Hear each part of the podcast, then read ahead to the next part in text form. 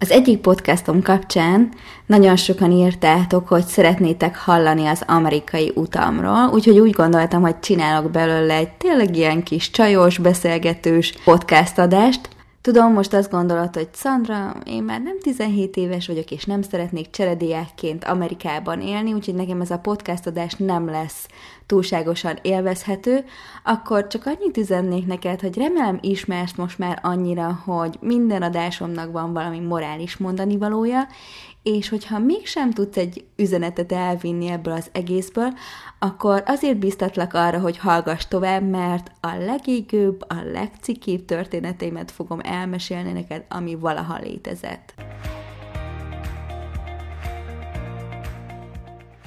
Tényleg sokáig azon gondolkoztam, hogy jó lenne erről egy könyvet írni, mert annyira érdekes volt ez az egy év, és annyira tanulságos, és rengeteg humoros történet volt benne, de helyett most itt van ez a podcast, úgyhogy megoszthatom veletek. Szóval dőljetek hátra, vegyetek elő egy pohár bort, és hallgassátok meg! Hogyan is jutottam ki Amerikába 17 évesen? Nagyon sok barátom volt kín már Amerikában előttem, nekem mindig idősebb barátaim voltak, és tehetősebbek is őszintén, mint uh, mi, de annyira sok jót meséltek, hogy úgy voltam vele, hogy én is nagyon szeretnék eljutni, ez volt minden álmom, és annó azt gondoltam, hogy tévében fogok dolgozni, bemondó leszek, vagy híradós, és ahhoz mindenképpen kell az angol nyelvtudás, úgyhogy gondoltam, hogy two one, és akkor én szeretnék kint érettségizni, az utolsó évemet kint tölteni. Őszintén most már így visszagondolva, meg úgy, hogy édesanyja vagyok, kicsit kicsit szégyellem magam, hogy ezzel a kéréssel álltam anyukám elé, mert ugye, hogyha hallgattátok a podcast adásaimat, akkor tudjátok, hogy nem voltunk igazából tehetősek, sőt, anya tényleg öt munkahelyen dolgozott azért, hogy nekem a lehető legjobb körülményeket elő tudja teremteni, de akkoriban tényleg annyira hevesen élt bennem ez az álom, hogy ebbe bele sem gondoltam, hogy azzal, hogy ezt a kérdést felteszem anyának, milyen helyzetbe sodrom, mert ő tényleg olyan volt, aki mindig engem helyez helyezett előtérbe, soha nem mondott semmire sem nemet, és hát ez is egy ilyen szituáció volt. Szóval ott voltunk, hogy találtunk egy ilyen szervezetet, akitől ki lehetett menni, és őszintén abszolút nem volt olcsó, tehát hogy nem fogok hazudni, meg nem fogok itt kertelni, kb. egy millió forint volt az, hogy ki lehessen menni, ezáltal a szervezet által, és nagyon őszintén nem kaptál semmi mást, mint egy repjegyet oda-vissza, de ez már csak így ilyen konklúzió. Ugye édesanyám gondozónő volt, bölcsödébe dolgozott, mindenkinek a szeme fényére vigyáz, és ami a legszomorúbb az egészben, hogy 15 évvel ezelőtt a gondozónők ugyanannyit kerestek, mint ma. Szóval, hogyha így össze akarjuk hasonlítani, hogy mennyire sok pénz volt akkor, hát ugyanannyira sok pénz, mint ma, mert tényleg az ő fizetésük semmit sem változott, és ez nagyon-nagyon szomorú. Azt is mondtam nektek, hogy apukámtól soha nem kaptam semmiféle anyagi támogatást, az egyetlen ilyen az volt, hogy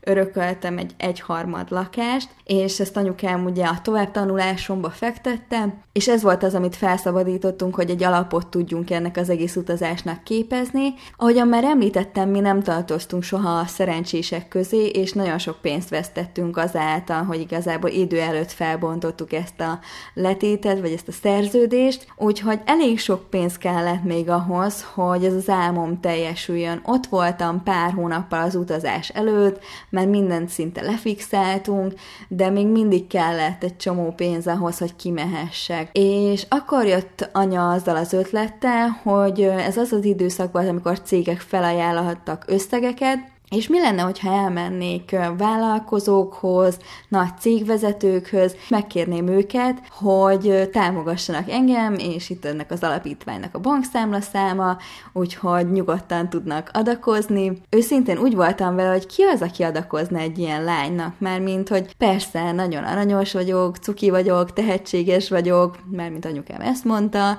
de akkor is és anya mondta azt, hogy ha meg sem próbálod, akkor a válasz mindig nem lesz. Mit veszthetek vele? És tényleg így is voltam vele, hogy igazából egy próbát megér. Hogy mennyire idős vagyok, mi sem bizonyítja jobban, mint hogy akkoriban nem volt még se Instagram, se Facebook, sőt, nekünk még tárcsázós netünk volt abban az időszakban, és a Google sem volt egy olyan nagy dolog. Szóval felnyitottam a telefonkönyvet, igen, azok, akik fiatalok, még azt se tudják szerintem, hogy mi ez a telefonkönyv. Szóval felnyitottam a telefonkönyvet, és elkezdtem nagy cégeket megkeresni, és felhívtam az asszisztenst, és foglaltam időpontot a vezetőkhöz, és őszintén úgy voltam vele, hogy tíz név van a listámon, és sejtettem, hogy ez nem lesz annyira elég, mert valljuk meg őszintén, én azt gondoltam, hogy tízből nulla ember fog bármilyen összeget is felajánlani, úgyhogy azt gondoltam, hogy ha majd ott leszek, akkor megkérem őket, hogy adjanak egy névjegykártyát, egy másik vezetőhöz ajánljanak valakit, és nagyon emlékszem, hogy az első alkalommal, amikor elmentem egy ilyen vezetőhöz, felszálltam a kis buszra, kigaloppoztam Zalaegerszeg külvárosába, csak azért, hogy találkozhassak velük, akkor úgy éreztem, hogy ez igazából szégyen, hogy ezt kell csinálnom. Tényleg nagyon szégyeltem magam, és nagyon rosszul éreztem magam, hogy, hogy ilyen helyzetben vagyok.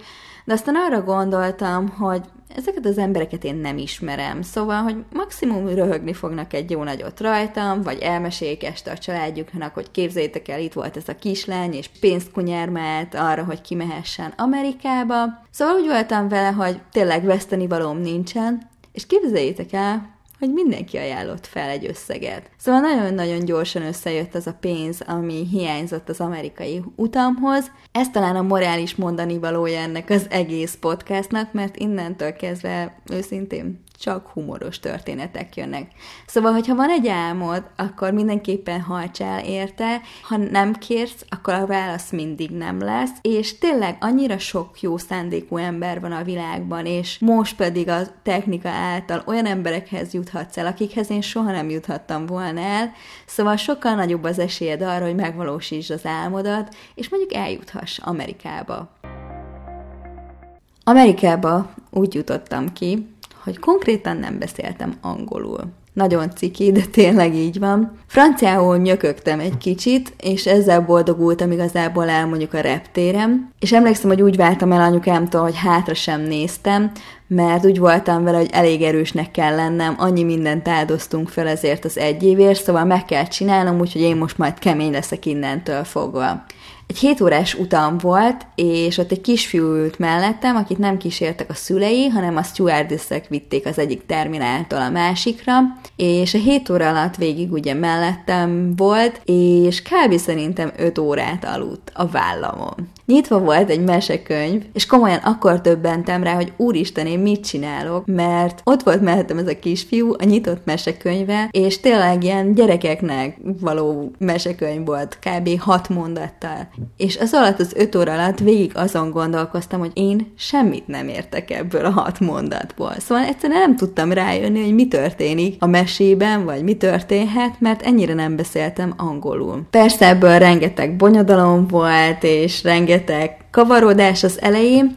Mindig azt mondták, hogy majd akkor beszélsz jól egy nyelvet, hogyha azon a nyelven álmodsz. Ez mondjuk nálam elég gyorsan megtörtént. Mikor három-négy hete vagy abban a, az országban, és csak azt a nyelvet hallod, akkor azért ez elég gyorsan megtörténik. De én úgy gondolom különben, hogy nem ez az áttörő siker, hanem az, amikor úgy tudod kifejezni önmagadat, mint ahogy mondjuk magyarul tennéd. Na és erre azért nálam várni kellett még, de az tény, hogy nagyon gyorsan akklimatizálódtam. Annyira gyorsan, hogy az első nap emlékszem, hogy bementem úgy, mint ahogyan nálunk a gibiben bementem volna, egy ilyen vákidobós felső, mert én menőlány voltam, farmer, magas sarkú. El kellett jutnom az első óra után egy másik terembe. Konkrétan a focipálya túloldalán volt, egy amerikai focipálya túloldalán, nem tudom, hogy mennyi yard, most Ádám nagyon-nagyon szégyelne, hogy nem tudom, hiszen nagyon szereti az amerikai focit, és egy csomószor nézi, és én pompomlány is voltam, szóval nem tudom, de nagyon hosszú volt, és nekem kb. 5 percem volt átérni az egyik teremből a másikba, úgy, hogy átmegyek egy focipályán, magas sarkú cipőben. Hát el kell árulnom nektek, hogy nem sikerült a nagy hazafutás, úgyhogy az első konkrét óráról el is késtem, és már az első napon áthágtam egy szabályt, mert Amerikában, hova én jártam, mert ugye ez általában iskolánként változik a szabályzat, ott meg volt adva, hogy két incsnek kell lenni a felsőnek a pántjának. Hát az én felsőmnek nem volt pántja, úgyhogy én az első napon az igazgatóiban kötöttem ki, nagyon jó antré. Szóval ezek után az első dolgom délután az volt, hogy megkértem az akkori eh, fogadószülőmet, hogy vigyen már el engem egy áruházba, és be kell szereznem pólót, farmert és lapos talpú cipőt, mert eh, csak így lehet túlélni egy amerikai iskolában. Mielőtt kimentem, azt mondták nekem, hogy akkor vagy valaki,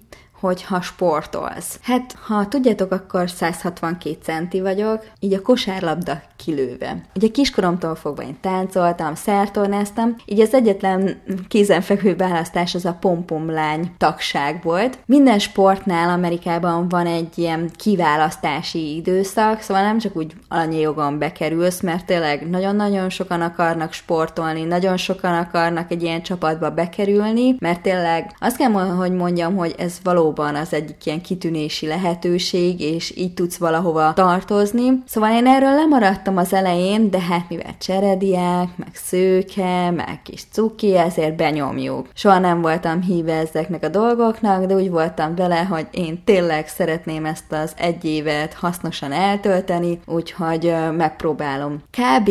szerintem pár nap alatt kellett megtanulnom az összes ilyen chance and cheers dolgot, amik, hát amit ugye a meccsek közben a pompomlányok mondanak. Én meg is tanultam nagy buzgóan, bár konkrétan egy szót nem értettem abból, amit mondtam, de mivel kb. 20 voltunk a csapatban, úgy voltam vele, hogy nem fog feltűnni, hogyha én nem tudom a szöveget, majd jól tátogok. És ez be is vált. Kb. szerintem egy-két hónap kellett, mire rájöttem, hogy mi az, amit mondunk így a meccsek között. Úgyhogy ez volt az első sportélményem kint, és amit az amerikai filmekben láttok, az nálunk ugyanúgy történt. Szóval volt egy ilyen pompomlány asztal, hát én az elejétől kezdve ott ülhettem, bármi aztán később csináltunk egy cserediák asztalt, mert annyian voltunk már, és tényleg minden ugyanúgy történt, mint az amerikai filmekben. Volt a fekete lányok asztala, volt a latinóké, volt az amerikai foci játékosoké, volt a művészlelkek. Úgy éreztem magam, mint aki egy amerikai filmbe csöppent. Következő időszakban már részt vettem a kiválasztáson, és őszintén én nem gondoltam volna, hogy ez ennyire véresen komolyan zajlik, mert kb. egy hétig tartott az egész, és több száz lány jelentkezett, voltak konditermi edzéseink, táncpróbánk, és a vége az egy nagyon-nagyon komoly kiválasztási folyamat volt, mindenki kapott egy sorszámot, innentől kezdve soha nem mondtak neveket, csak sorszámokon uh, szólítottak, különböző koreográfiákat kellett bemutatni, ugrásokat, úgyhogy én ez esélytelenek nyugalmával elmentem, hiszen van, aki ezt csinálja évek óta. Kosárlabda csapatnak a pompom lányai közé választott támogattak minket. Emlékszem arra, hogy tényleg, ahogyan a filmekben, mindig csak ezt fogom mondani, de tényleg így volt, kirakták, kifüggesztették a listát, hogy a több száz lányból ki az a nyolc, aki bekerült a csapatba. És emlékszem, hogy ilyen nagy tolakodás, mindenki nézi a listát, és csak azt hallom, hogy valaki így mellettem kérdezi, hogy ki a 32-es, ki a 32-es.